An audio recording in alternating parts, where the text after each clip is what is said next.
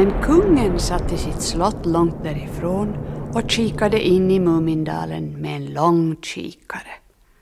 Och han blev mer och mer upprörd över vad han såg. Till slut beslöt han att civilisera dem allihop och lära dem hur man ska bära sig åt i ett samhälle. Det enda som tröstade honom var att familjen åtminstone var royalistisk.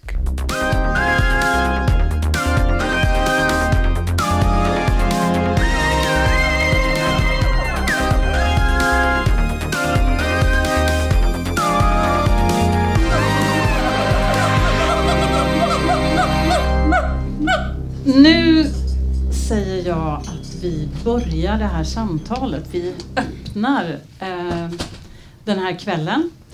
Eh, som jag redan har sagt så är det ju superroligt att så många är här.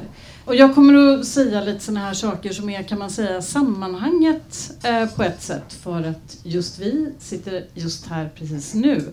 Eh, och det är ju att eh, tidskriften Ord och bild eh, och jag är en av redaktörerna på den tidskriften. Jag heter Ann Ige. Vi eh, gör en samtalsserie där vi inte pratar med författare utan vi pratar med människor som har läst olika författare eller möjligen sett på konst av olika slag. Så det är en sorts eh, kritikersamtal kan man säga. Det heter Ord på scen. Eh, vi har varit här på Oceanen förut och pratat om Edouard Louis till exempel. Jättekul att ni är här. Extra roligt är att jag med mig här idag har Mattias Våg. Du har skrivit en kritiktext om den här boken Sent i november som lite grann är, är utgångspunkten för vårt samtal här. Du är ansvarig utgivare för tidningen Brand och du gör också en podd som heter Apans anatomi. Välkommen hit! Mm, ja, tackar, tackar. Med oss har vi också Pia Laskar. Eh, du är idéhistoriker, genusvetare, en queerforskarnestor i Sverige skulle jag nog ändå säga. Eh, hållit på mycket med kulturarv men också aktivism och arkiv och så vidare. Vi är jätteglada för att du är med oss i samtalet idag. Tackar, jag är glad för att vara här också. Mm. Välkomna båda två.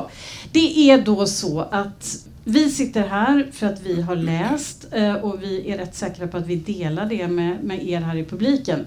Vi har läst Tove Jansson och det är nästan svårt att befinna sig i, i Sverige någon längre stund utan att stöta ihop med Tove Jansson eller någon sorts inkarnation av eh, Tove Jansson eller någon sorts eh, vara som har med Tove Jansson att göra. Jag kan bara säga att eh, de av er som har sett Facebook-eventet, och det är säkert ganska många som har, Eh, inte särskilt många timmar efter vi hade lagt ut det på Facebook så kom ett eh, mail med faktura ifrån Moomin Characters eh, för användandet av bilden. Det ska sägas att de gav oss möjligheten att bara ta ner alltihopa direkt och sådär. Men ja, vi betalade. Bara så ni vet det. eh, det kostade 100 euro. Gjorde det. Eh, ja. Men eh, så, så var det med det.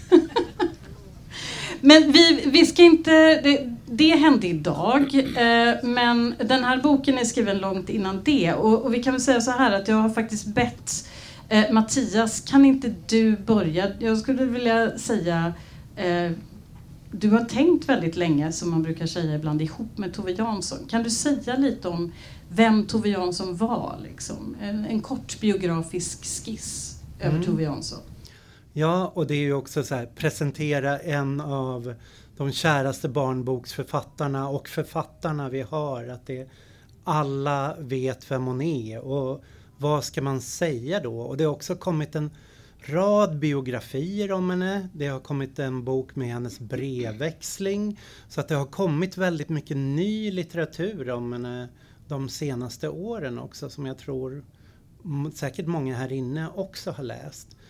Eh, hon föddes 1914. Eh, det var samma vecka som eh, första världskriget bröt ut.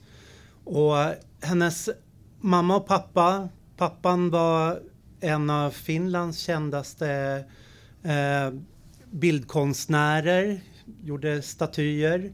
Han eh, stred i, eh, på den vita sidan, man kan säga reaktionens sida i finska eh, inbördeskriget mot de röda. Så han var liksom en eh, royalist, eh, patriot.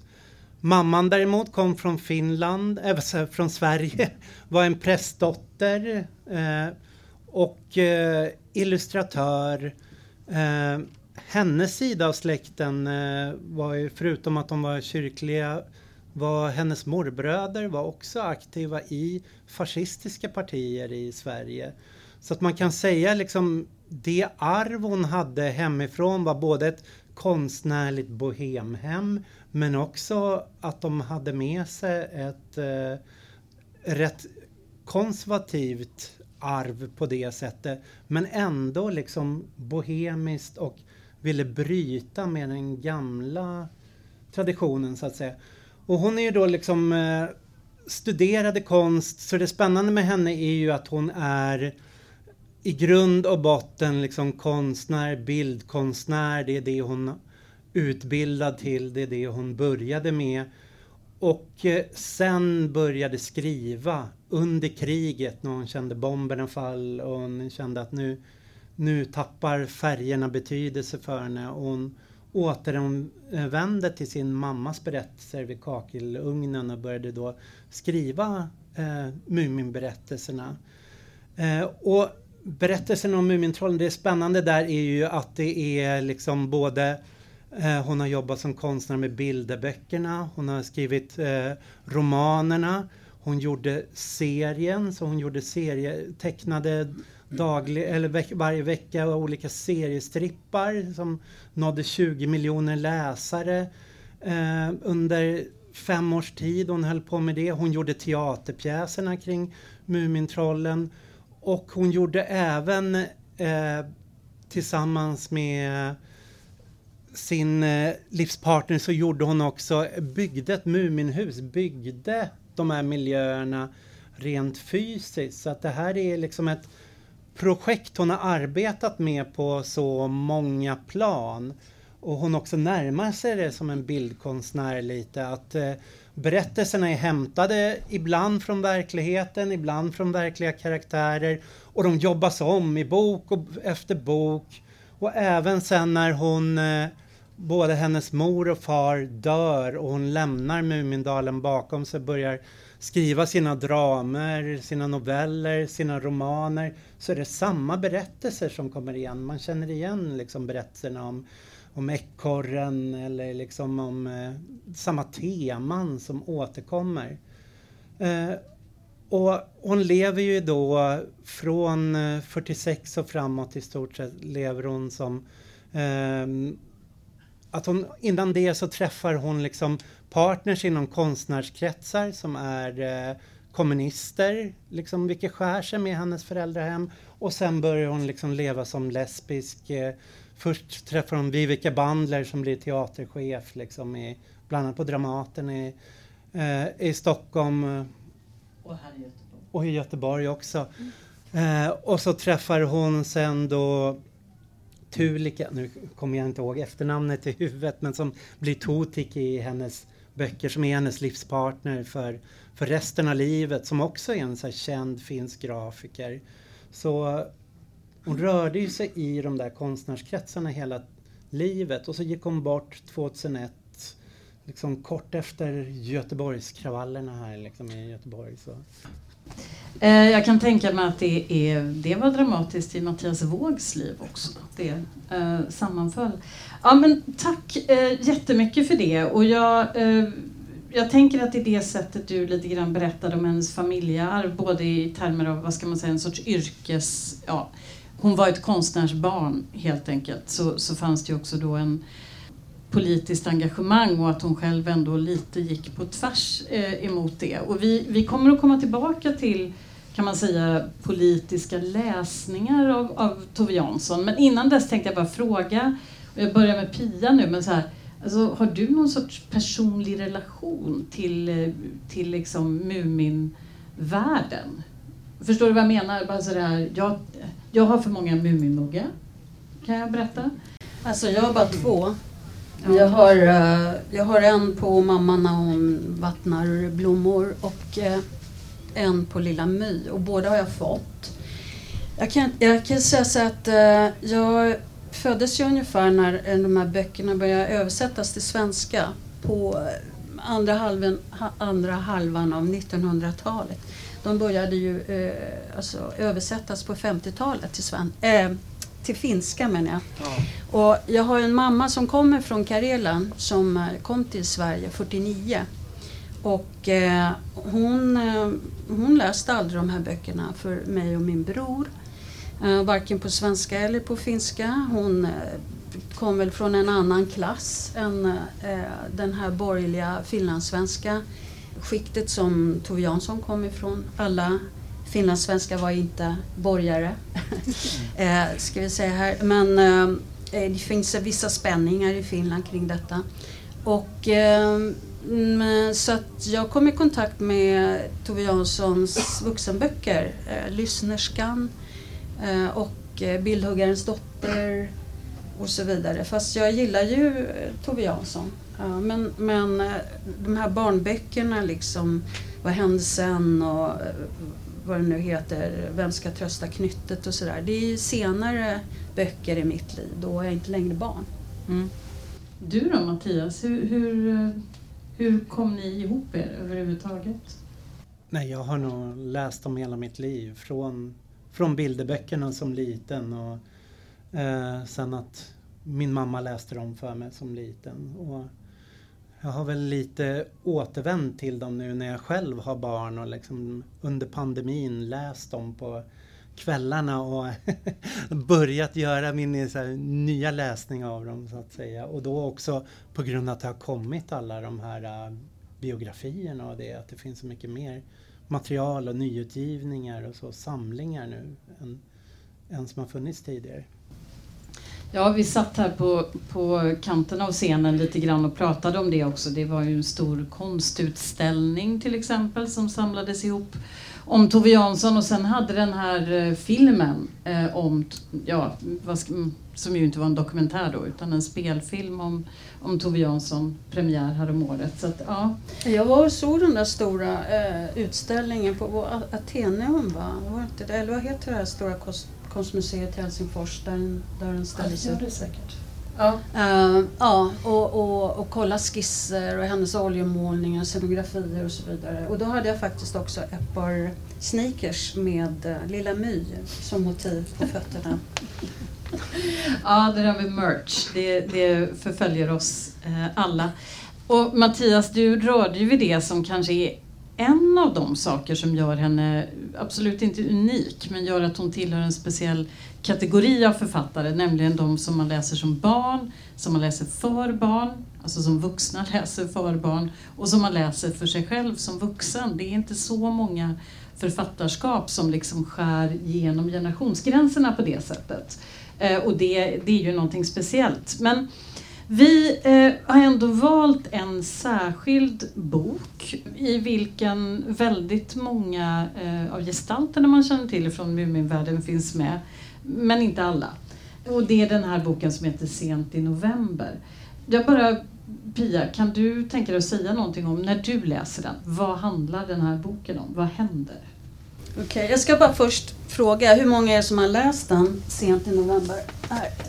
Om jag böjer mig ner. Det är ganska många. Ja, fast jag bedömer att det inte är en tredje, en, tre, en, en tredjedel kanske. Ja.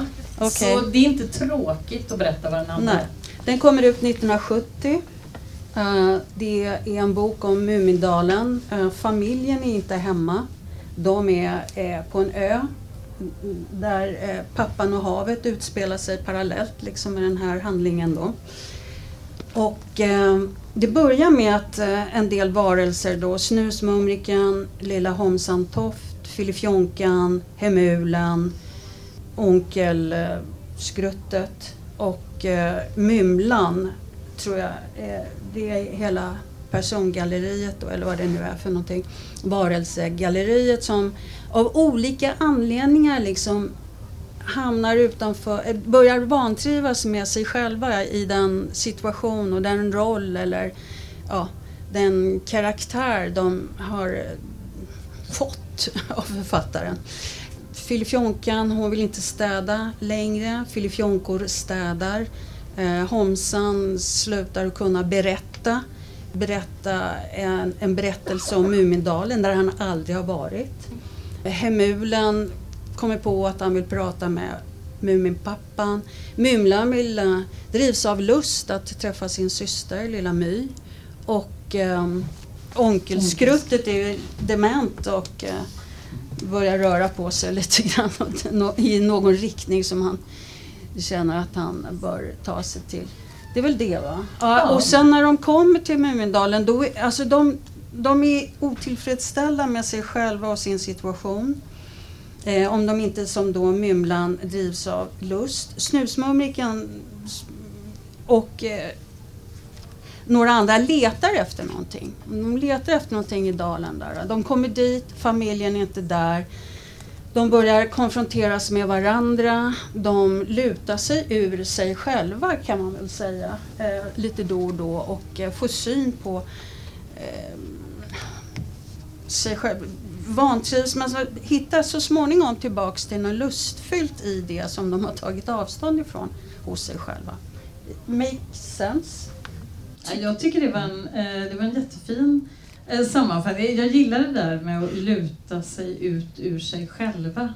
Vad, vad, vad tänker du Mattias? Har du någonting viktigt att, att lägga till i själva handlingen eller vad man ska säga?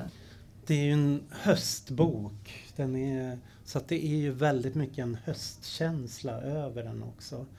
Eh, i, på alla sätt. att Mumindalen är ju mycket en paradisdal och här är det Tove Jansson lekte väl med flera namn på den där hon pratade om, funderade på vad hon skulle kalla den. Ska, Dröm i november, Den lyckliga familjen eller Det övergivna paradiset. Så det är ju någon slags en dröm om ett paradis som inte riktigt finns där som de kommer till. Exakt, och det, det är också intressant om vi ser här, den här boken som den absolut sista som skrivs om Muminfamiljen. Så det är ju också ett avsked. Mm. Så det är inte konstigt att den liksom har placerats i november. Eh, i, och, och, att den här höstkänslan och avskedskänslan hos alla finns på något sätt. De är ju där och tar avsked, inte bara från sina gamla jag på något sätt, liksom, utan också från Mumindalen. Ja, men, och det är ju också intressant att den allra sista boken om Muminfamiljen så är de inte där. De är inte där överhuvudtaget. De är bara där som minnen av vilka de var, som rummen där de fanns, som Muminmammans instruktioner om att man inte ska elda i kakelugnen för att farfadern är där och, och, och sådär. Eh, så det, ja, det är på det sättet en, eh, verkligen en höstbok. Jag tänkte kanske ändå Mattias att vi eh, genast, jag, jag, tycker att vi ska komma in i exempel. Alltså det är ju så här med den här boken som många av eh, Muminböckerna att har man bara en penna, helst en blyertspenna i handen, så hittar man ju ställen att stryka under hela tiden. Antingen för att Tove Jansson är så jävla rolig, vilket hon är, och också för att hon just eh, hon låter liksom inte bara eh, de här gestalterna utan sina meningar på något vis luta sig ut ur sig själva. De är väldigt enkla men de säger eh, flera saker på samma gång. Liksom. Och man, Eh, men, men, Mattias, om du kan berätta lite, när vi bad dig, och vi är då ord och bild, kan inte du skriva som en recension av Sent i november? Vad, hur tog du dig an det? Liksom? Vad blev det när du läste den här boken mm. nyss? Jag har ju hållit på och skrivit lite om olika Muminberättelser och man kan säga att de första Mumin, Muminberättelser de är tydliga produkter av kriget. Att de börjar skriva den första boken under eh, vinterkriget och under bombningarna. Så att det, det handlar om... Eh, och trollen i berättelsen är... Första boken heter ju inte ens Mumintrollen för det tycker förlaget inte passade så det heter Småtrollen. Att det, det är små varelser, de lever i en dal där de fnattar runt bland andra djur, igelkottar och så. Så att det är, de är inte alls människostorlek. De bor ursprungligen bakom kakelugnar och är små varelser som råkar ut för en rad katastrofer i de första böckerna. Så paradiset är ständigt hotat. Det får bli översvämningar, det blir vulkanutbrott, det kommer kometer, det kommer en trollkar, det kommer morran, det vintern. Så olika saker vänder upp och ner på den här dalen. Och under allt det här så hit, ger, genomför Mumintrollet äventyr där han lär känna nya, nya varelser, nya, han träffar Sniff i första, Snusmumriken i andra och, och Muminfamiljen har ju väldigt så här okärnfamiljsk syn, att de är bara så fort Mumintrollet tar hem nya så står de att Ja men de eh, gjorde bara matbordet lite större och ställde in några nya sängar. Så att eh, huset till slut blev ett vimmelhus där alla kunde få plats att komma in och komma och gå som de ville. Så att det där är liksom de första böckerna och sen så börjar hon eh, Där det börjar bli teaterpjäser av det och då kommer också teatern in i det här liksom. Farlig midsommar där det är en översvämning och en vulkan. Där är det en teater de flyttar in på. Och den här Hur gick det sen-boken är ju uppbyggd som teaterkulisser. Det är liksom mer de här uppskurna sidorna man kan se vidare in bakom vad som händer. Och så börjar hon göra den här serietidningen för det här amerikanska förlaget, eller ja, engelska förlaget och det sprids i den här massupplagan. Och där blir någonstans Mumin blir ett jobb för henne. Det blir ett levebröd, det blir en plikt, någonting som hon vantrivs med och står henne upp i halsen liksom. Så en boja för henne nästan så här, men samtidigt är hon beroende av det. Så när hon drar sig ur det där, hennes bror tar över och gör serien, så gör hon om Muminböckerna och Trollvinter är den här brytningen där, där plötsligt Mumintrollet börjar de har växt upp, de är både till storleken är de inte småvarelser längre och liksom i sina känslor, de gnyr och gnäller och familjen sover och Trollvinter är lite som en föregångare till sent i november för då kommer alla Filifjonkan och Hemulen och Homsan och alla flyttar in i huset i den berättelsen. Och sen de kommande böckerna, novellsamlingen Det osynliga barnet, Pappan och havet och sent i november, då är det som att katastrofen, konflikten som hotar det här paradiset har flyttat in i de här äh, karaktärerna och någonstans de, de vantrivs med sig själva och med vilka de är. Och den där vantrivseln, det var det jag ville liksom skriva om och då jag valde lite mellan så Osynliga barnet som beskriver väldigt mycket samma sak. I Pappan och havet är det kärnfamiljen som krisar sönder och återfinner varandra. Men här är ju det intressant att det inte är Muminfamiljen. Det är alla de andra som Muminfamiljen speglas mot. Att de är den anarkistiska, eh, lyckliga, kaotiska familjen. Men alla de andra står för normer och ordning och arbete och lag och intressen och så. Här är det de som krisar sönder någonstans och, och söker sig dit för att finna sig själv på ett nytt sätt. Och det här tycker jag är liksom jättespännande att läsa mot vår tid på alla sätt. Liksom. Ja, på alla sätt. Ehm, jag vet inte, jag tänker så här, just det här galleriet då, de, de som du berättade om Pia, som, som finns i Mumindalen sent i, i november, att, att det blir lite som att jag identifierar mig stenhårt med dem när jag läser boken. Nästan med alla, lite jättemycket med filifjonkan, fast jag är hemskt dålig på att städa så känner jag ändå att jag visste inte att jag var en filifjonka men nu, nu vet jag det och jag, jag är inte helt nöjd med insikten. Men, ähm, och, och, men, men att det jag tänker, det som jag känner igen sådär rakt av, alltså mellan mig själv och deras belägenhet är att någonting är borta. Liksom. Någonting som jag, någon gemenskap som jag ändå tyckte fanns, det är borta. Så, så känner jag, det vill säga jag är en person som, som tänker att eh, något sätt att förhålla sig i samhället på har, har försvunnit, som har att göra med gemenskap. Så på det sättet så blir kanske, det är ju det är en ganska enkel analys, men jag känner verkligen så när jag, när jag läser den här boken, som att man går runt i rum där man, där man visste att det fanns en en folktandvård. Eller, alltså man visste att det fanns liksom sånt, men nu gör det inte det längre. De är... Men jag tror att uh, det är viktigt att, att komma ihåg också att uh, boken skrivs på 1970-talet och jag är ju då idéhistoriker och vi måste ju alltid kontextualisera saker och ting och sätta dem alltså i ett sammanhang och då tittar jag lite grann på det sammanhang som, som finns i uh, Tove Janssons eh, omgivning i världen, i Sverige, i Norden, när 1970 då. Va? Och jag, jag, jag tyckte det var roligt att, att, titta på vad Ord och Bild skrev under, under de här åren då. Och eh, jag har några gamla nummer av Ord och Bild som är superintressanta från 1964, 65, 66, 67 och så 68 naturligtvis och framåt.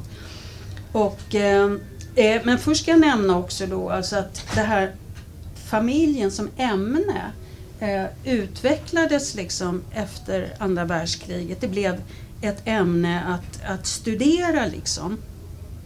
Eh, och i, om man tittar i statliga utredningar mellan åren 45 och 1965 så så är liksom ämnena barn och familj i de här statliga utredningarna, de, de, de tar tre och en halv sida. Så det är massvis med utredningar som görs då, SOU-utredningar. Eh, och familjen var ju under ett enormt tryck under de här åren också. Och skilsmässorna ökar, om vi tittar på det materiella som finns liksom runt omkring Tove Jansson. Eh, Eh, det, det, eh, det finns en, en ekonomhistoriker, Per Simonsson, som har skrivit en avhandling om hur eh, man, sociologer och psykologer och så vidare i samtiden så, såg familjen som en patriarkal institution liksom, som förtryckte barn och kvinnor. Och det började leda till många skilsmässor Eh, på 50-talet. Saktade ner lite men sen efter 65 så ökar skilsmässorna igen i Sverige pratar jag nu på då. Och eh, det fanns en oro kring det här då va? förstås. Eh, hur skulle detta lösas liksom? Kärnfamiljen var alltså under eh, tryck. Samtidigt så kom det ju ut då eh, i feministiska sammanhang kom ju Betty Friedans den här eh, The Feminine Mystique. Eh, den kom 63 tror jag i USA. Och där så beskriver ju hon kvinnans roll i familjen som fånge i ett koncentrationsläger. Och i Ord och bild då 65 så skriver Barbro Backberger som var en väldigt idog skribent Eh, hon skriver en artikel med titeln Det förkrympta kvinnoidealet, könsrollen och de kvinnliga författarna. Som sen blir en bok då. Va? Och i Ord och bild så finns det också utdrag ur Det andra könet av Simone de Beauvoir. Det finns även den danska utgåvan av Det andra könet där de har den lesbiska, en lesbisk, liksom det som Simone de Beauvoir skrev om lesbiska, som togs bort ur den svenska boken. Eh, den publicerar ord och bild på danska då. Va? Och det finns en massa eh, eh Ja, Barbro Backberger skriver sen 65 också en, en artikel i, i Svenska Dagblad, eh, i Dagens Nyheter som, som heter Den heliga familjen där hon totalt trashar familjen. Det är alltså 65. Va? Eh, jag har läst den där väldigt noga för jag har kommenterat den liksom, i en ny publikation i, i genus, eh, tidskriften för genusstudier. Men hur som helst, det här pågår då på andra, under andra halvan av 60-talet. Och det är så intressant för att Ord och bild har också liksom en... Jag ska läsa några eh, eh, titlar eh, artikeltitlar ur ord och bild bara rakt av så får ni en känsla för vad som skrevs där. Va? Men det, 1971 kom ju också den här antipsykiatrikern eh, David Cooper ut med Död åt familjen. Eh, där, där liksom, alltså familjen är verkligen under hårt tryck. Eh, och det, det kom ju in lite grann i, i Tove Janssons böcker men hon måste ju göra upp med den här idyllen. Det går ju inte liksom att vara en, en eh, bohemisk författare eh, och, och vurma för familjen liksom 1970. Men hur som helst, några artikeltitlar ur Ord och bild eh, från 65 det är Debatt om homosexualitet i Amerika. Eh, talangjakt och segregation, kvinnor och könsroller i USA. Förstadsfamiljen hette det på den tiden. Eh, 68 är, är könsroller ett jättediskussionsämne i ord och bild. Askungen och klasskampen heter en artikel och det är en serie artiklar som heter liksom eh, Musse Pigg och Klasskampen. Alltså en massa sådana där titlar är det. Eh, nummer tre 1968 det är ett temanummer om finsk litteratur, poesi, konst, arkitektur och radikala kretsar. Eh, den är skriven av både finska och eh, eh, svenska författare och poeter. Tove Jansson finns inte med, ingen av hennes böcker nämns där. Eh, Barbro Backberger, igen, eh, debatterar med Göran Palm om socialism och könsroller. Eh, det finns ett utdrag ur myten om den vaginala orgasmen som ju liksom var en stor eh, eh, artikel eh, av Tygrace Atkinson i USA. Eh, där klitoris eh, lyftes fram som njutningspunkten för kvinnan, inte eh, vaginan då. Det var en revolution inom sexualpolitiken på den tiden. Eh, och det publiceras en artikel som heter För en kvinnlig befrielserörelse eh, där författaren då pläderar för att lesbisk kamp ingår i, i den feministiska kampen som bör vara separatistisk. Och det här skapar debatt. Tora Dahl och andra liksom säger att nej, nej, vi ska inte prata om sexualitet. Det är bara dumt att dra in och så vidare. Va? Men, men liksom det är så här, förändra, inte spegla. Homosexuell revolt, polemik mot förlegade ståndpunkter, från protest till motstånd, på nyttfödelsen och så vidare. Va? Så att det är ju liksom, eh, det här pågår i, i sådana kretsar som, som den här kretsen som sitter här idag då, fast på 70-talet. Alltså syns min förälskade blick när jag tittar på dig nu? För att du har gjort det här grävet ner i Det var väldigt lätt. Det var väldigt lätt. Det var bara att gå ut på nätet. Det ligger där. Ja, nej men alltså jättebra och, eh, och jätteintressant faktiskt att du lyfter fram de här sakerna. Jag tänkte bara en sak till, även om det inte precis har att göra med, med familjen, men just det här att jag ändå tycker att det är så fascinerande att veta att, att första gången som Valerie Solanas skummanifest kommer så är det ord och bild. Ja. Långt, långt före Sara Stridsbergs hela översättning som kom senare. Så det, ja, det, det, är, det är intressant och ja, ja, det måste ju ändå stämma att det här eh, ingår förstås i sammanhanget som Tove Jansson både, både skriver i och läses i. Alltså, jag vet inte. hon måste ju förhålla sig till det här också, tänker jag. Liksom. Alltså, och hennes krets måste ju diskutera de här grejerna. Speciellt eftersom hon själv liksom har levt i unstraighta och lesbiska kretsar och, och queera kretsar i större delen av sitt liv. Alltså. Men, men hur kan, jag måste bara få fråga ändå. Eh, Mattias, till dig också. Kan man säga att Tove Jansson liksom trashar familjen? Men på ett sätt så gör hon väl kanske inte det. Hon, hon, har väl mer den här... Alltså jag tänker att det finns en stor kärlek till familjen också. Men, men alltså att det blir uppenbart att, att pappan är ute och cyklar och att mamman hanterar, eller jag åker båt då, då men alltså jag menar att han, han är ute och, och liksom rör sig på ett sätt som inte alls är i takt med de andra som är i hans familj och att mamman i och för sig på ett rätt traditionellt sätt så att säga låter honom göra det men, men hon låter sig inte förtryckas av det utan hon, hon försöker göra andra saker, hon försöker göra sitt liv och, och sådär. Men jag menar, hat, hur, hur illa tycker Tove Jansson om kärnfamiljen egentligen? Ja, alltså hon, hon säger ju den enda karaktär som hon erkänner är baserad på någon i verkligheten. Det är Muminmamman som är baserad på hennes mamma. Ham, eh, som Eh, Eh, Signe Hammarsten. Men eh, man ser ju Pappan och havet är tillägnade hennes pappa. Tulika kommer in som Totiki. Tofslan och Vifslan är Tove och Viveka Bandler. I alla hennes brev så beskriver de dem som Tofslan och Vifslan. Hur de har sitt egna språk och sin hemlighet som de gömmer i sin kappsäck där. Så det, det finns massor. Och hennes eh, som hon var på väg att gifta sig med, den socialdemokraten, filosofen, antifascisten Atos Virtanen som alltid gick i sin slitna slokhatt och stod ute vid ett eh, träsk och diskuterade Nietzsche med med en bisamrotta i träsket. Liksom. Det kommer också in i berättelsen. Hon drar ju hela tiden in, eh, in sin omgivning i den där boken och jag tror att jag tror det är så mycket man kan se både som en revolt mot hennes familj, framförallt hennes pappa, men där hon också bygger vidare på det hennes pappa och mamma är. För om man tar finlandssvenska, eh, de finlandssvenska situationen där så var det ju i storstäderna så fanns det liksom en finlandssvensk, eh, en svensktalande minoritet som var, rätt, som var borgerlig men rätt liberal.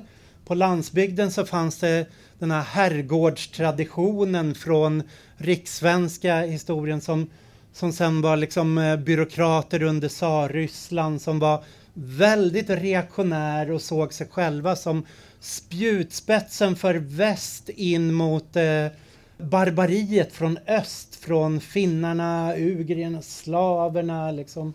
Som eh, också, de bildade liksom en väldigt stark rörelse på universiteten och hade någonting till exempel som hette Svarta gardet som var en kulturfascistisk rörelse. Och alla de där kom till Tove Janssons hem och satt där. Den här främsta fascist, finlandssvenska fascisten Örnard Figerstedt, satt hemma och hennes pappa liksom levde kvar i kriget och liksom hade liksom sina gamla krigsveteraner hemma på besök. Men samtidigt så ett av hans krigstrauman var ju att dras till katastrofer. Att så fort det brann i stan, så fort det var en storm så tog han med barnen ut i båten och skulle liksom hitta äventyret.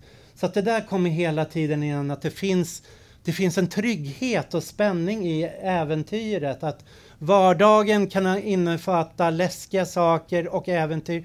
Men, eh, och äventyret kan innehålla lugnet och det vardagliga. Så hon gör på många sätt eh, när hon blev tillsammans med Atos Virtanen då, som var kommunist, så det han försökte göra var att ta ett, ett kulturkrig mot de här kulturfascisterna genom att inte använda Marx eller socialdemokratin utan han, han skrev en bok om Nietzsche och försökte se att eh, visa på liksom en så vitalism, mångfald, liksom lyfta, lyfta mångfalden i naturen och allt det där tar Tove och gör som en satir eller bakar kärleksfullt in i, i kometjakten, liksom kometen kommer.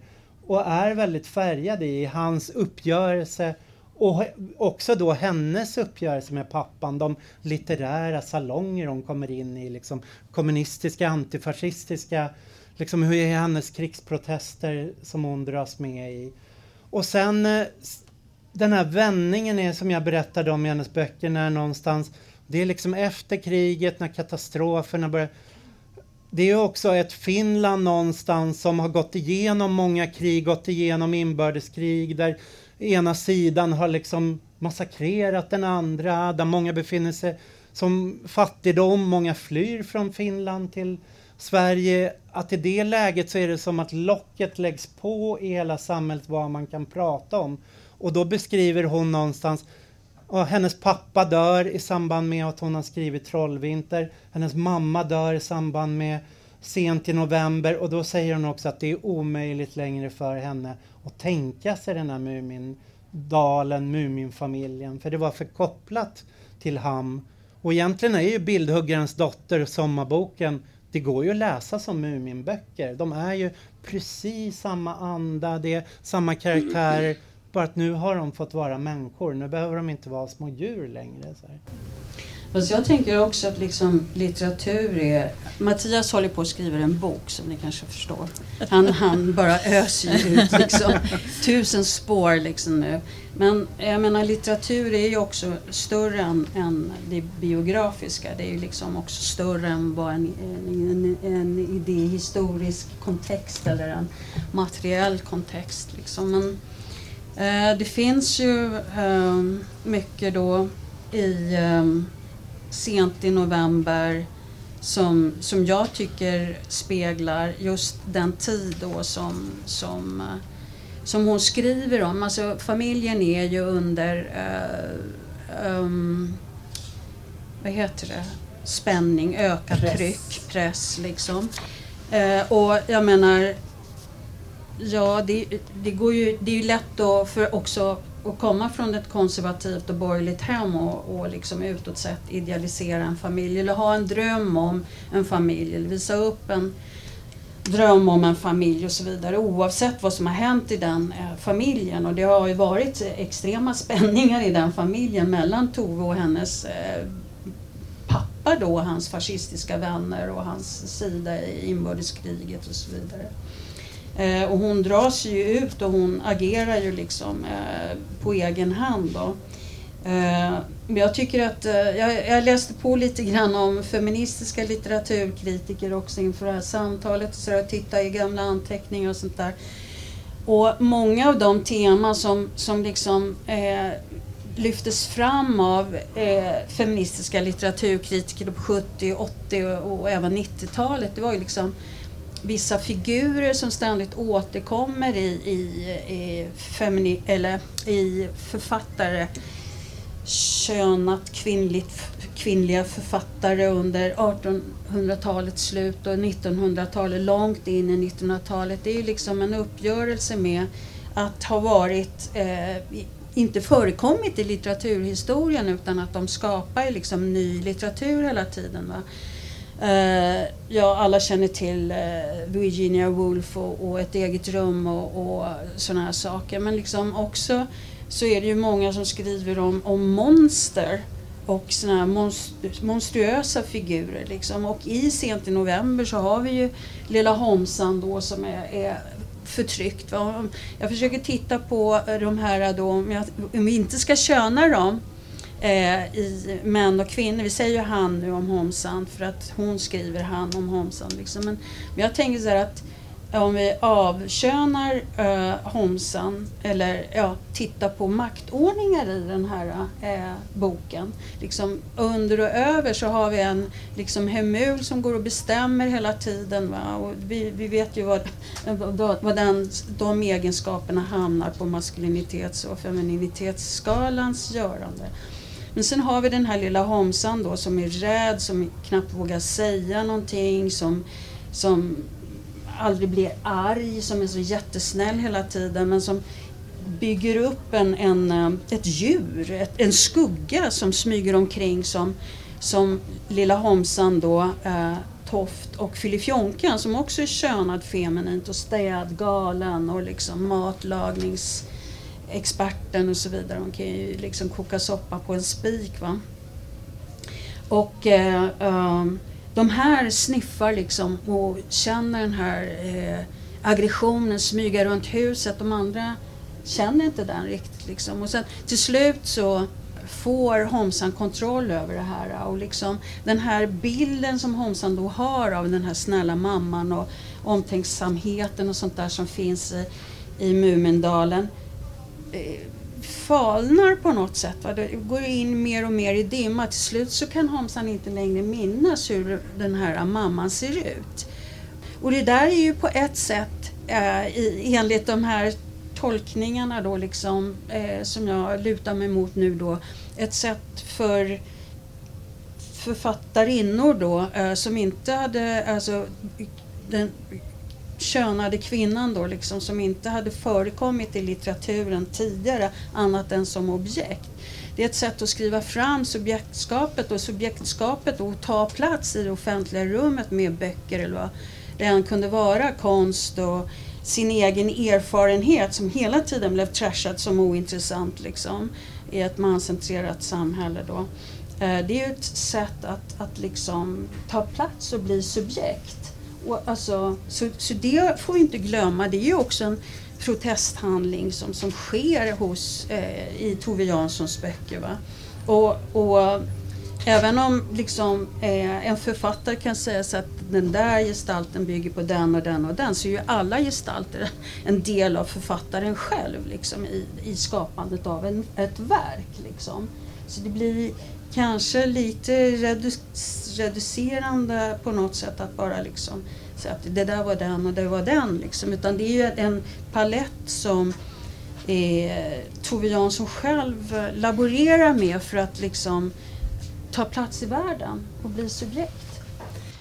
Ja, eh, precis. Och nu, nu, vi har ju egentligen eh, på ett sätt en liten litteratursynsdebatt som, som pågår här på scenen. Eh, det gläder mig.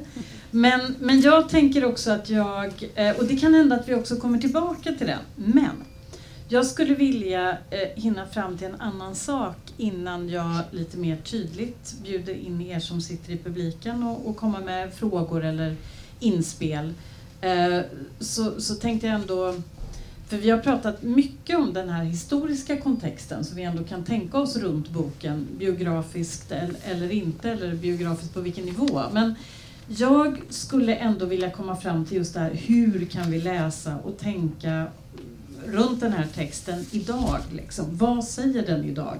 Och då vill jag ändå spela över till dig Mattias, därför att du menar det ändå i det här sättet som Tove Jansson skriver de här karaktärerna och jag plockar igen det där. Jag tyckte det var fint sagt eh, Eh, Pia av dig i början, det här med hur de lite lutar sig ut ur sig själva. Det, jag tror att det är också ett sätt att beskriva det du fångade och där du kanske till och med Mattias menar att, att här eh, erbjuder den här romanen, Janssons sätt att skriva oss ett nytt sätt eller ett annat sätt kanske att tänka runt identitet och sådär som du tycker säger någonting i våran tid. Men kan du inte utveckla det där lite grann för oss mm. som kanske har glömt vad du skrev i texten?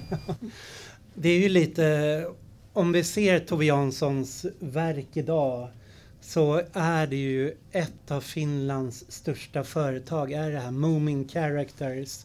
Och det de har specialiserat på, det är lite ett familjeägt företag av liksom Tove Janssons brors dotter, brorsdotter och hennes släkt som äger det nu. Och de är, har gjort alla de här karaktärerna har de registrerat som varumärken. Så att de, de äger inget annat än liksom varumärkena och nu har de så köpt Bamse, Carl Larsson, eh, Petson och Findus och liksom säljer licenser för att använda det. Så kan man göra Muminparker, Muminkoppar, Muminsaker. Och som en del av det här att de äger karaktärerna så har det också kommit så massor med så personlighetstest. Och det var lite så jag började reagera någon gång på Facebook. Så bara, Vem är du? Är du en eh, Mymla eller är du en Lilla My eller är du en Muminpappa? Så här. Och det där störde mig så oerhört mycket att allting fixerades till representationer, karaktärer, identiteter, essenser. Och då tycker jag den här boken är liksom där hon beskriver hur, hur alla de här identiteterna någonstans är påförda och skaver så oerhört på de här karaktärerna och de någonstans försöker fly undan dem. Och då är det första som jag tänkte på är så här, men alla de här är ju både eh, vad ska man säga, generella, universella och singulära. Det, det vill säga det finns filifjonkor och det finns filifjonkan. Mumintroll och Mumintrollet. Hemuler och Hemulen. Homsor och Homsan. Mymlor och Mymlan. Så att alla är representant för en hel kategori någonstans. Och de där kategorierna har egenskaper. Liksom.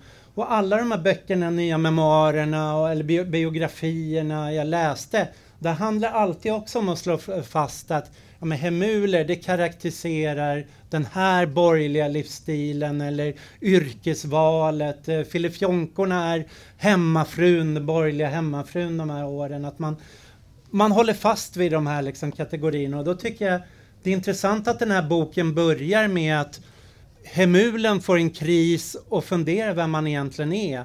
Vad händer om jag inte skulle flytta den här saken dit utan göra på ett annat sätt? Och den krisen får honom bara att lämna sitt hem. Och samma med Filifjonkan som är besatt av att ha en bjudning och städa och hamnar liksom, blir utelåst på taket av sitt hus när hon städar och får en livskris och säger jag vill vara något annat än en filifjonka och söker sig till den här dalen.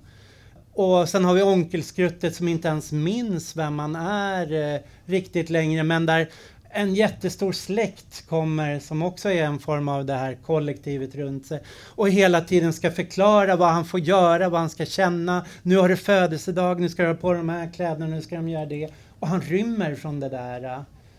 Homsan Toft lever ju mer och söker en, en dröm någonstans där om en gemenskap, så det är lite annorlunda. Men det, när de möter Snusmumriken och Mymlan så är det de som har varit de här Ja, men frågar man folk så är det alla identifierar sig med Snusmumriken, den vilda fria själen. Men det är Snusmumriken och Mymlan där som suckar när de kommer och säger så här, men en hemul kan inte vara något annat än en hemul. En filifjonka kan aldrig vara något annat än en filifjonka och låser dem någonstans i precis de identiteter de har försökt fly ifrån. Så just det där äh, att det finns, jag, menar, jag tänker Fronesis till exempel kom ju nu med ett nummer om erkännande. Att det, vi är väldigt fixerade vid att diskutera identiteter som ska ha sitt erkännande. De ska få en viss form av representation.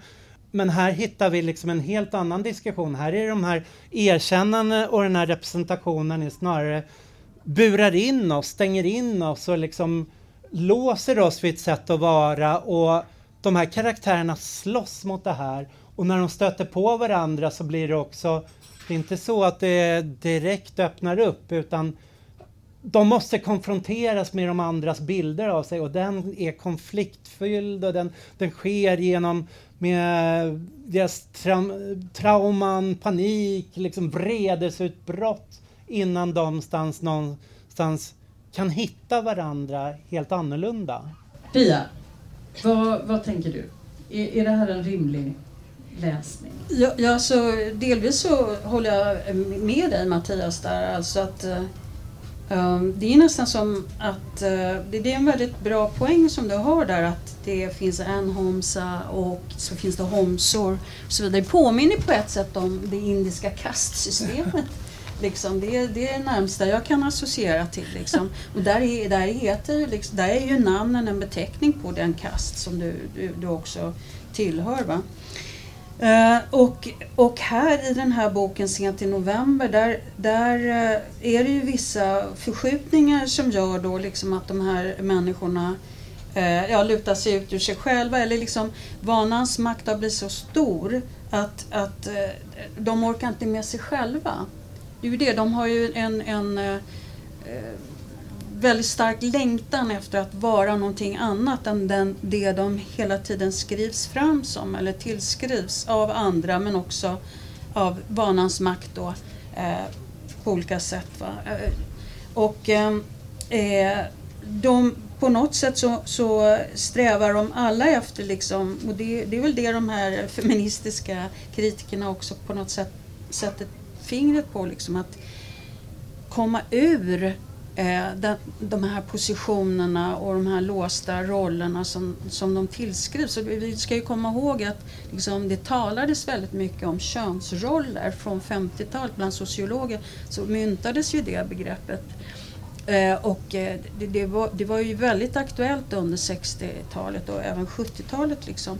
Så att eh, vad som händer i boken eh, som, som jag ser som en motståndshandling då, det är ju liksom att eh, folk i de, de här varelserna kommer bort från vad de hittar sätt, de gör upp med det som de har internaliserat eh, i fråga om att inte våga prata eller vara arga eller eh, Eh, att göra, säga nej till att städa eller nej till att ta order om att laga mat och vad det nu kan vara. Liksom. Eller de blir utmanade i sina rädslor för att segla, som den här hemulen då liksom och så vidare.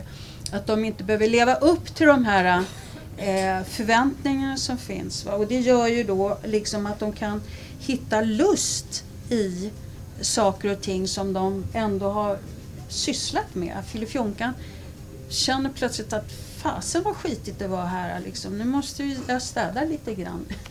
Och, ja, men och då känner... är det ju som att hon har bestämt det själv. Exakt. På något sätt. Liksom, hon har kommit ut, eller hen har kommit ut ur det här liksom pådyvlade och finner lust. Och det gäller ju också eh, många av de här andra som, som liksom på något sätt har väl Mumindalen och den här föreställningen om att allt har varit så bra där hela tiden liksom, är en del i den här banans makt också. Att det är dit går och, och går, då är allt så bra. Sen när de väl kommer dit så minns de inte riktigt hur det egentligen var. Liksom. eh, ja. Nej, och man kan väl säga att det här eh, gäst, gästgänget då i sent i november, de får ju faktiskt ta ansvar för det där själva. Att, att skapa vad de, vad de nu vill ha. Men, Men vad jag tänkte på liksom, och vad kan ni ge idag? Om, ja. äh, om jag, eller om inte... Ja. Jo men uh, det, det, är ju något, uh, förutom erkännande politik så diskuteras ju konvivialitet nu.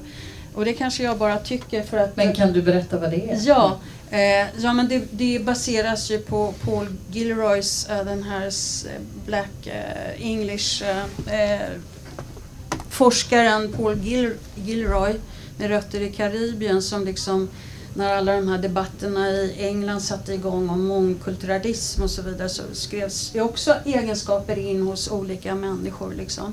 Och eh, eh han vill ju hitta någonting som inte eh, essentialiserade olika tillhörigheter och då börjar han prata om conviviality.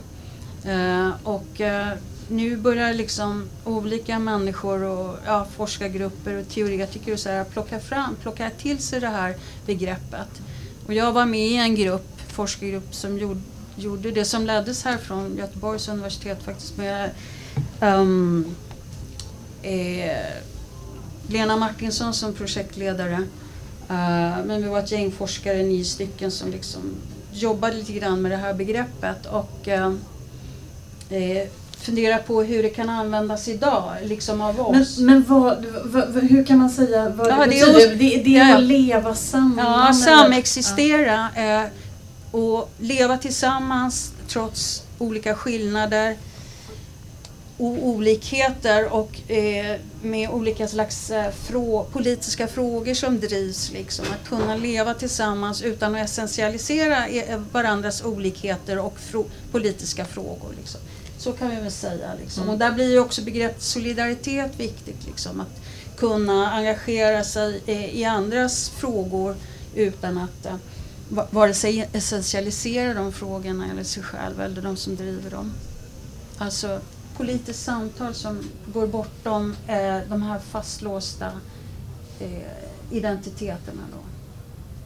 Men den är, det är också ett slags erkännande politik naturligtvis, men utan att essentialisera olikheterna. Vilket jag tycker är viktigt att vi tänker på idag. Liksom. Just det, för att med helt essentialiserade olikheter, om vi säger så, då förväntas vi aldrig kunna luta oss ut ur själv, oss själva så att säga. Eller Men, våra politiska ja. hjärtefrågor. Ja, just det. Och då, då kan snusmumriken kanske ändå acceptera att de, de bofasta också, alltså de som inte ger sig ut och, och, rör på sig på det sättet som, som han gör kan, kan också vara människor eller varelser med behov och sådär. Men ähm, ja, jag, nu sitter jag bara och känner det här att hela den här 70-talsdrapan som var, så jag tänkte, men det, det, är väl ingenstans i böckerna som någon försöker få ut Muminmamman på arbetsmarknaden? All, allt det där kommer i serierna. Där är det mycket mer en konfrontation mellan civilisationen och Muminfamiljen. Och de, hon gjorde faktiskt samtidigt, nästan samtidigt som när så skrev hon tv-serien som gick som handlar som gick på svensk television 69. Den går, man, ja. kan titta arkivet nu. Ja, på SVT Den Play. Den lyfter av sig huvudena. Ja, huvudena. Ja. Och det är där kungen, där pratar de om minoriteter. Kungen får se att de har en minoritet i sitt rike när han tittar i sin panoptiska kikare. Och så kommer han på att de måste jag ta upp till slottet och civilisera. Och så kallar han upp dem eh, till slottet och det civilisationen, ja, han civiliserar dem genom att spela eh, ge dem en nationalkänsla, spela paradmarschen. Han lär dem visan om eh, lag och rätt. Och sen så visar de alltings värde, arbetsvärdeläran. Det är de tre sakerna. Medan de istället då drar med kungen ut i köket. De drar med honom på äh, spela in teater. De förtrollar honom så han får flyga. Och efter det blir han en mycket bättre regent. mycket bättre. Men jag skulle vilja bara inflika också i det här konvivialitet liksom. För att det är jättebra begrepp Pia och jag känner så här. Jag skulle kunna skriva den här recensionen utifrån Judith Butler utifrån ett queerperspektiv. Men jag saknar lite i queerperspektivet just den här konvivialiteten, det här liksom vad uppstår en ny gemenskap som är icke-essentiell och inte knuten till eh, dina egenskaper och vad du gör och så. Och, så jag sökte mig istället till de här eh, upprorsanarkisterna kring en fransk grupp som eh, kom med globaliseringsrörelsen som hette Den osynliga kommittén.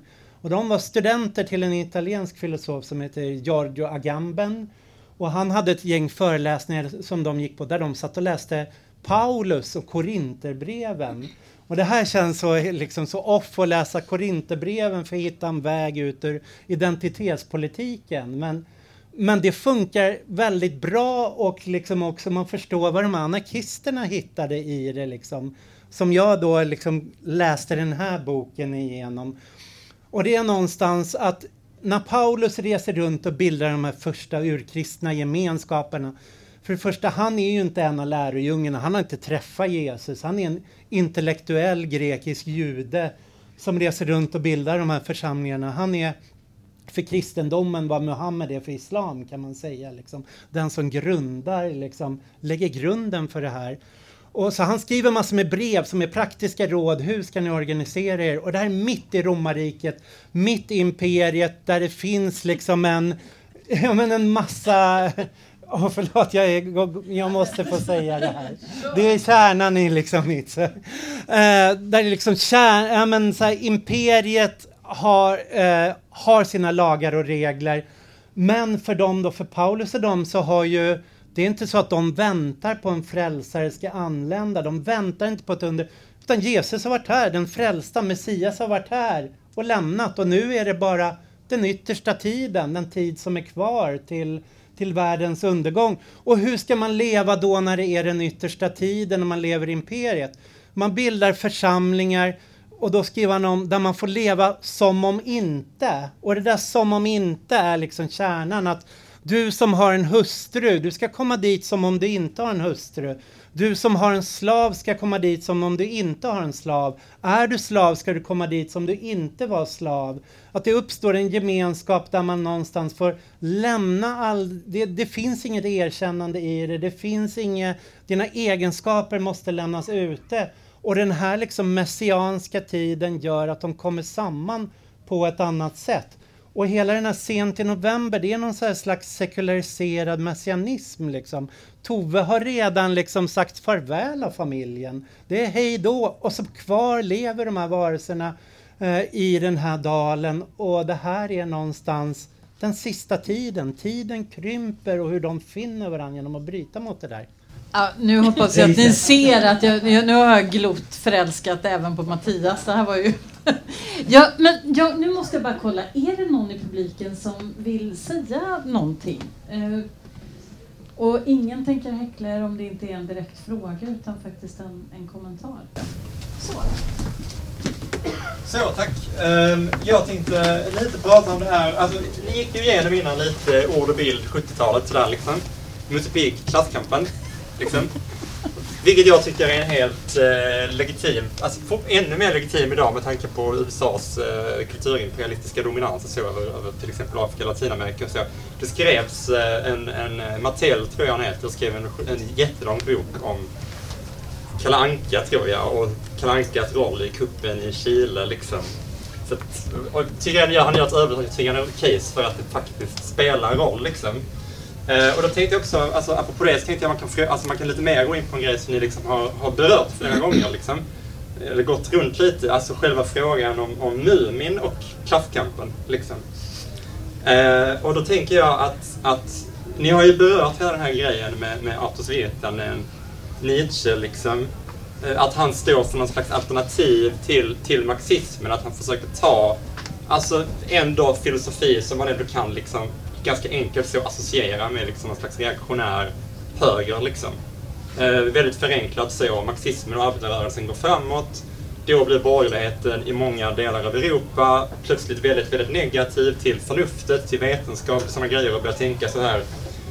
Ja men det funkar inte längre, vi måste skapa, liksom sprida väldigt mycket osäkerhet, vi måste känna väldigt mycket osäkerhet över allting. Men så, har man ändå ett världsåskådningsbehov, liksom, ett uppdämt världsåskådningsbehov. Liksom. Och då dyker existentialismen, fenomenologin, sådana grejer upp istället. Liksom. Nietzsche, Heidegger och så vidare. Och så vidare liksom. Och jag skulle mena på att det filosofiska innehållet verkligen genomsyrar Muminböckerna ganska mycket ändå. Liksom. För att det, det, är en återkommande grej, liksom. alltså, dels när jag redan berört det här med det här kastsamhället, liksom, som det ändå är på något sätt. Liksom. En annan grej, alltså hela den här grejen med att ja, men snorken, hemulerna, de, de står för liksom förnuftet, vetenskapen, ordning. Liksom. Medan Mumintrollen då, de står mer för, för äventyret, känslan, intuitionen. Liksom. Eh, och de är ju någon slags samhällselit. Liksom. De tillhör den här lilla utvalda skaran som är kapabla att känna och gå för intuitionen, som liksom kan resa sig över pöbeln på något sätt. Liksom. Och liksom känna stort och leva fria. Liksom. Så jag tänkte, vad ska vi göra med den här liksom, vad ska vi göra med den här, det här filosofiska innehållet som ändå finns i de här böckerna? Liksom? Tack! Det fanns många bollar att, att pinga tillbaka till här. Är det någon av er som har någonting att... Ja, vi, vi har grälat om det här på nätet innan så att det... Ja. Eh, men... Alltså Tove Janssons förhållande till vänstern är ju väldigt speciell. Att hon, hon kom in i en slags kommunistisk litterär salong där i, i slutet på kriget. Men hon var ju aldrig organiserad. Hon var med i någon svensk författarförbund som representant ett år men hon sökte sig aldrig till den här organiserade arbetarrörelsen även om hon liksom identifierades med dess ideal. Hon var antifascist, hon var pacifist eh, och hon var väldigt så här, hon, hon hade så svårt, hon avskydde att gå på Folkets hus för hon tyckte också hon avskydde vänstermänniskor som skulle alltid deklarera var de stod. Att det var som att gå på toaletten och sen komma ut och säga Jag har tvättat händerna och spolat. Liksom. Att det, det är så här, jaha, varför behöver du säga det? Det är liksom, låter suspekt.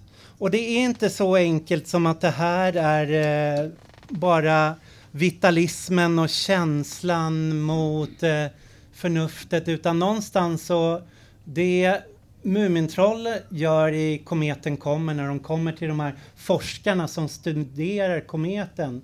Det är ju någonstans, man kan se det här akademiska eller filosofiska inavleriet, att man studerar fenomenet men de har inte tänkt tanken vad man ska göra. Liksom. Man frågar, ja, men när slår det ner? Vad ska vi göra? Liksom? Hur agerar vi då i det här? Utan det är någonstans, det de gör är ju att ta den här handlingen och göra någonting med det. Och visst, man kan se det här liksom Nietzscheanskt om en eh, vilja till makt eller liksom ett agerande men det är också mycket mer det här eh, att hitta det, hitta det praktiska i det.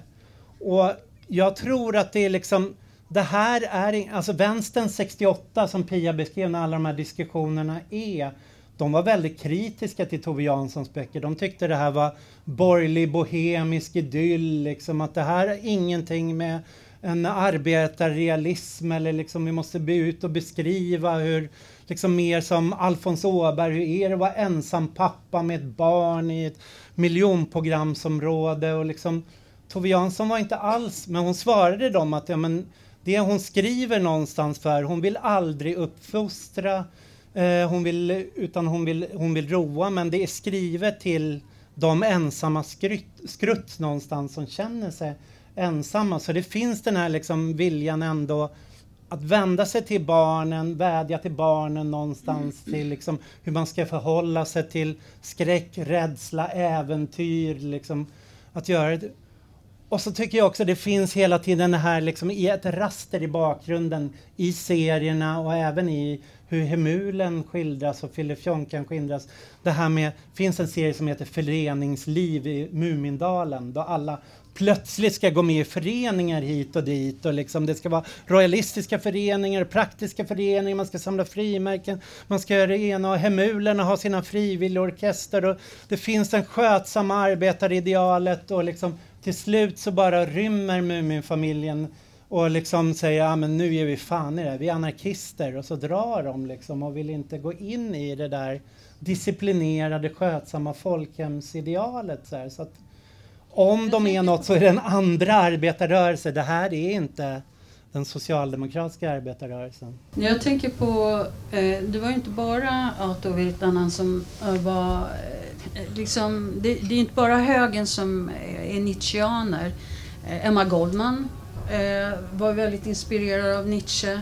Eh, många kulturradikaler, det som brukar kallas kulturradikalismens andra andra våg liksom på 10 och 20-talet var ju inspirerad av Nietzsche. Det var ju många unga som var, vare sig de var vänster eller höger, som var inspirerade av Nietzsche för att Nietzsche ville göra upp med det gamla och liksom dådet framåt-rörelsen var det som liksom uh, var uh, på bordet så att säga.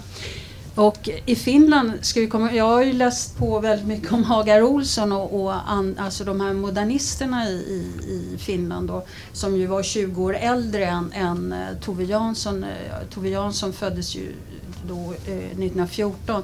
De föddes ju liksom i slutet på 1800-talet modernisterna, Elmer Diktonius, Edith Södergran, Hagar Olsson, eh, alla möjliga. De var ju också inne i de här bohemiska kretsarna. De skapade teatrar eh, eh, eh, och eh, teaterföreställningar. Hagar Olsson var ju jättestor både i Finland och i Sverige. Hon har ju pris. Hon har en, någon eh, bok som handlar om två syskon varav, varav eh, brodern är då fascist och Nietzschean och sy syrran är då eh, vänster.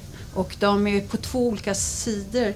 Eh, och, eh, men så småningom kan de ändå mötas för att de är, är båda för dådet, handlingen, liksom, att förändra. Det är det som är grejen. Liksom. Och där, där, så, så han ingår ju också i en tradition så att säga. Liksom. Eh, han står inte ensam och pratar med bisamråttor i träsket. Liksom, utan det är ganska många bisamråttor som är ute och diskuterar Nietzsche i Finland.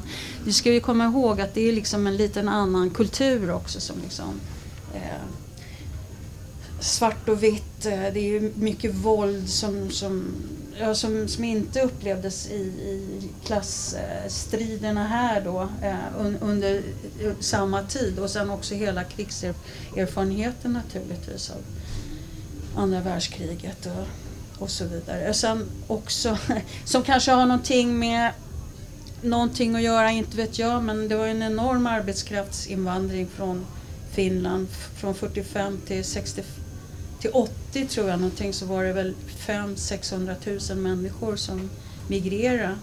Varav hälften migrerade tillbaka på 80-talet och det var väl de som gick i pension kanske. Ja. Så att det, är liksom, det finns väldigt många bottnar också tänker jag i, i böckerna liksom.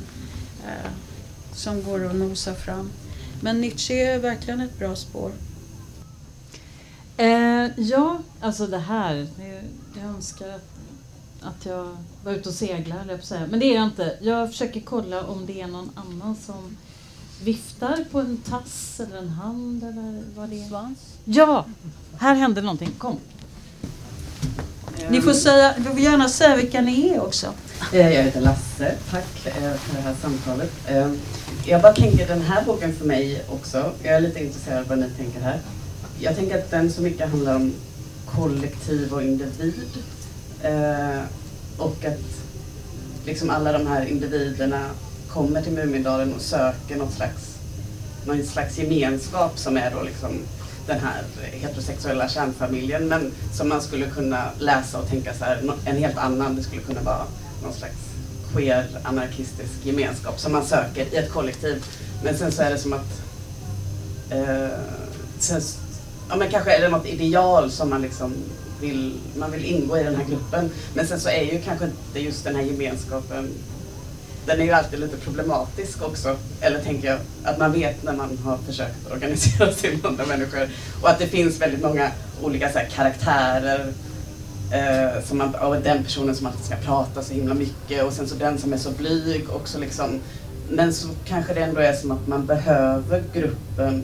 Och det var det jag tänkte på när du sa med liksom, identitetspolitik, att det finns ju också någonting i som är liksom också speglingen, att man som individ behöver en spegling av en grupp för att liksom transcendera och bli någonting annat. Men man kan lika väl bli fastlåst av gruppen på något sätt. Och jag tänkte, så för mig är det så mycket det som det här är på något sätt, att de söker någon slags gemenskap, familjen, men så hittar de varandra och så försöker de bli speglade på något nytt sätt men är samtidigt fasthållna både av sig själva och sina begränsningar, det essentiella eller det, ja, men också av varandra. Och, ja, det är någonting i det här som jag tänker så mer hur det är att vara del av politiska gemenskaper och hur jobbigt det är. ja, verkligen. Och det just det här att hon funderade på att kalla boken Den lyckliga familjen också. Att det, det är ju någonstans den drömmen de alla söker sig till och hur upprörda de blir när Mymlan förklarar att ja, men de var inte så himla lyckliga. De hade kriser. De gick ut och krisade i skogen här bakom och så. Så att det någonstans tvingas de inse att den där lyckliga familjen är en illusion och det här sammanfaller ju med Alltså stående tema i Tove Janssons alla böcker, i romaner, vuxenromaner, draman. Det är någonstans att hon hela tiden går igenom det här liksom gränsen mellan, mellan verklighet och verklighetsflykt, dröm och folk som inte riktigt kan skilja på det och där tillvaron är för svår så fyr man in i drömmen eller liksom drömmen blir ett sätt, om drömmen blir för läskig så kliver man ut i verkligheten längre. Och någonstans så under kriget så hennes familj var ju inte en drömfamilj men hon drömmer fram den perfekta familjen där de trivs så oerhört bra med varandra. Där det accepteras att ta in nya, där alla olikheter accepteras. Alla dina vänner, alla dina gäster. det är ju en dröm. Det är en dröm. Det är en och dröm någonstans, en paradisisk familj som aldrig har existerat. Nej, och någonstans här så, så tynar den drömmen bort. Men någonstans så är det ju också där som den där gemenskapen uppstår då. Att de som är helt aldrig skulle vilja umgås och hitta eh, som inte känner någonting med varandra. Det är helt omöjlig kombination. Någonstans hittar en gemenskap emellan sig som de inte hittar i sina filifjonkkollektiv eller hemulkollektiv. Eh, Pia, har du någon, någon direkt eh, reaktion på frågan här, eller liksom, eh, reflektionen? Alltså jag hörde inte frågan. Jag uppfattade inte att det var en fråga. Nej. Utan det var mer Ja, men- en... Ja, eller så? hur? Det var kanske det här med kollektiven och möjligheten att, Jaha. finnas i dem och så. Ja, ja, men vi vet ju alla att det är jobbigt. Ja, och- Vara olika slags kollektiv och, och, och så vidare. Men jag tänkte också, insåg helt plötsligt när vi pratade, jag hade bett er två, eh, Pia och Mattias då, att kanske leta fram varsitt citat. Och jag skulle vilja att vi liksom gick lite över på det. Man kan säga att det är ett sätt att låta Tove Janssons röst höras väldigt tydligt i, i det här samtalet. Eh, Så oavsett om det kopplar an till precis var vi var, om det är Musse Pigg och Klasskampen eller, eller så, så skulle jag bara vilja att ni lyfte fram varsitt citat och berättade varför ni valde det när ni gjorde det måste vi leta. Ja. Jag har ju satt eh, markeringar här. Jag är Ja, så hemulisk. Ja.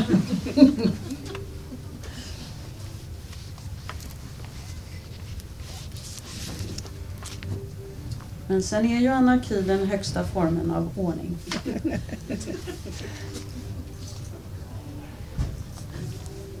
Alltså jag gillar ju Mymlan väldigt mycket. Och eh, eh, nu har ju också Mattias lärt mig att, mym, att mymla och att mymla det är ju att ha sex med när eh, lesbiska har sex med varandra, det är att mymla.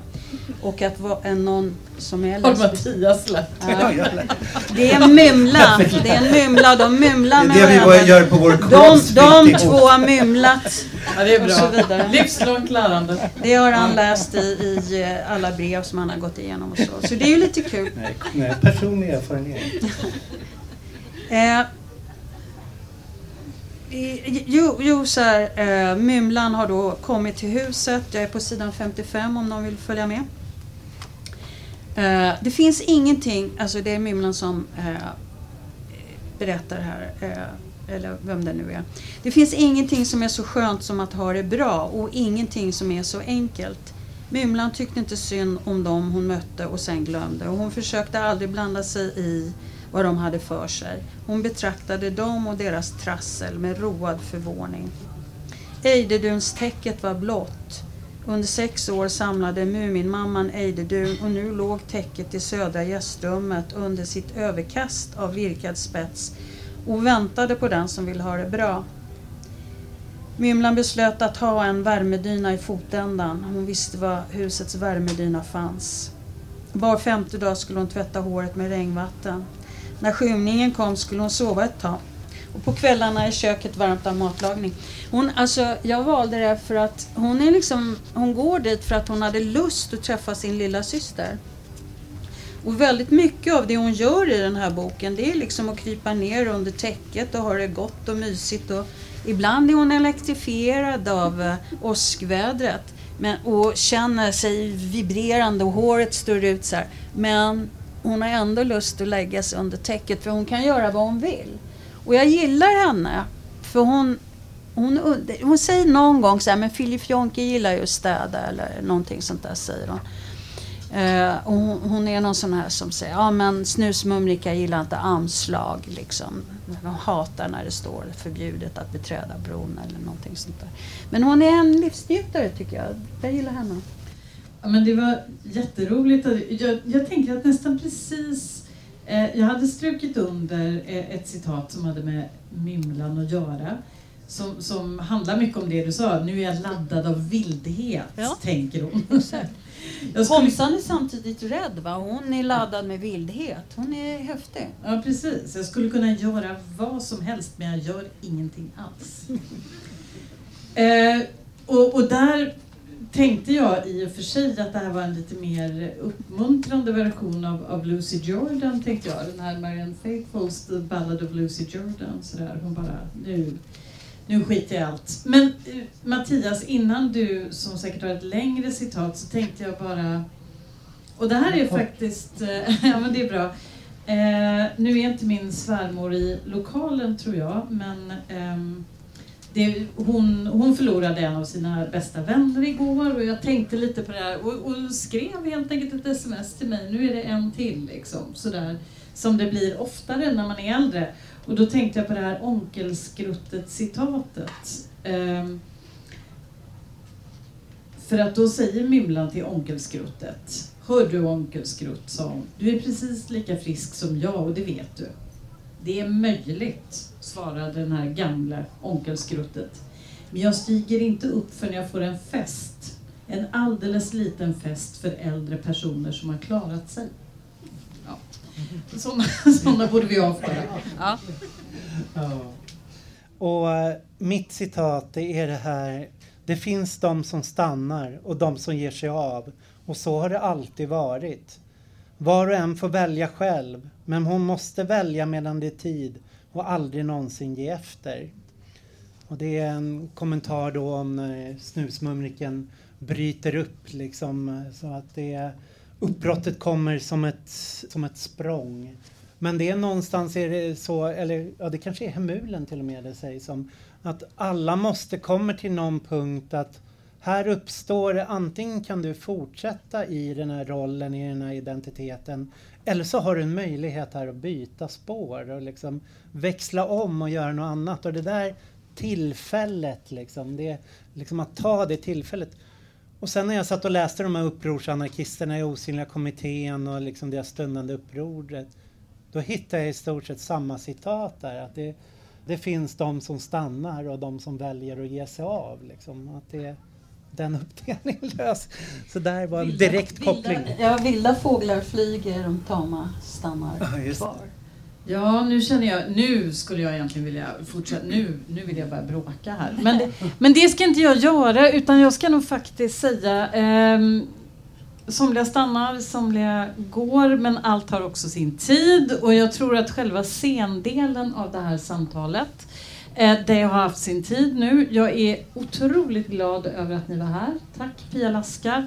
Tack Mattias Våg. Tack. Eh, tack till er som är här. Och så ska jag säga några saker, för nu känner jag nu har Moomin Characters fått väldigt mycket reklam.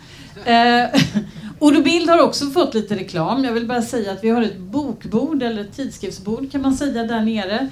Eh, ni får jättegärna gå ner och bara bläddra, det kostar ingenting. Men ni fattar själva att ni också förstås gärna får bli prenumeranter eller köpa eller så. Man kan också bara krafsa ner en mailadress så får man vårt nyhetsbrev och inte heller det kostar någonting.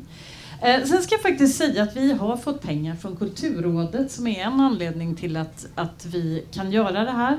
Och så är jag ju faktiskt lite glad för att vi kan vara på, på Oceanen.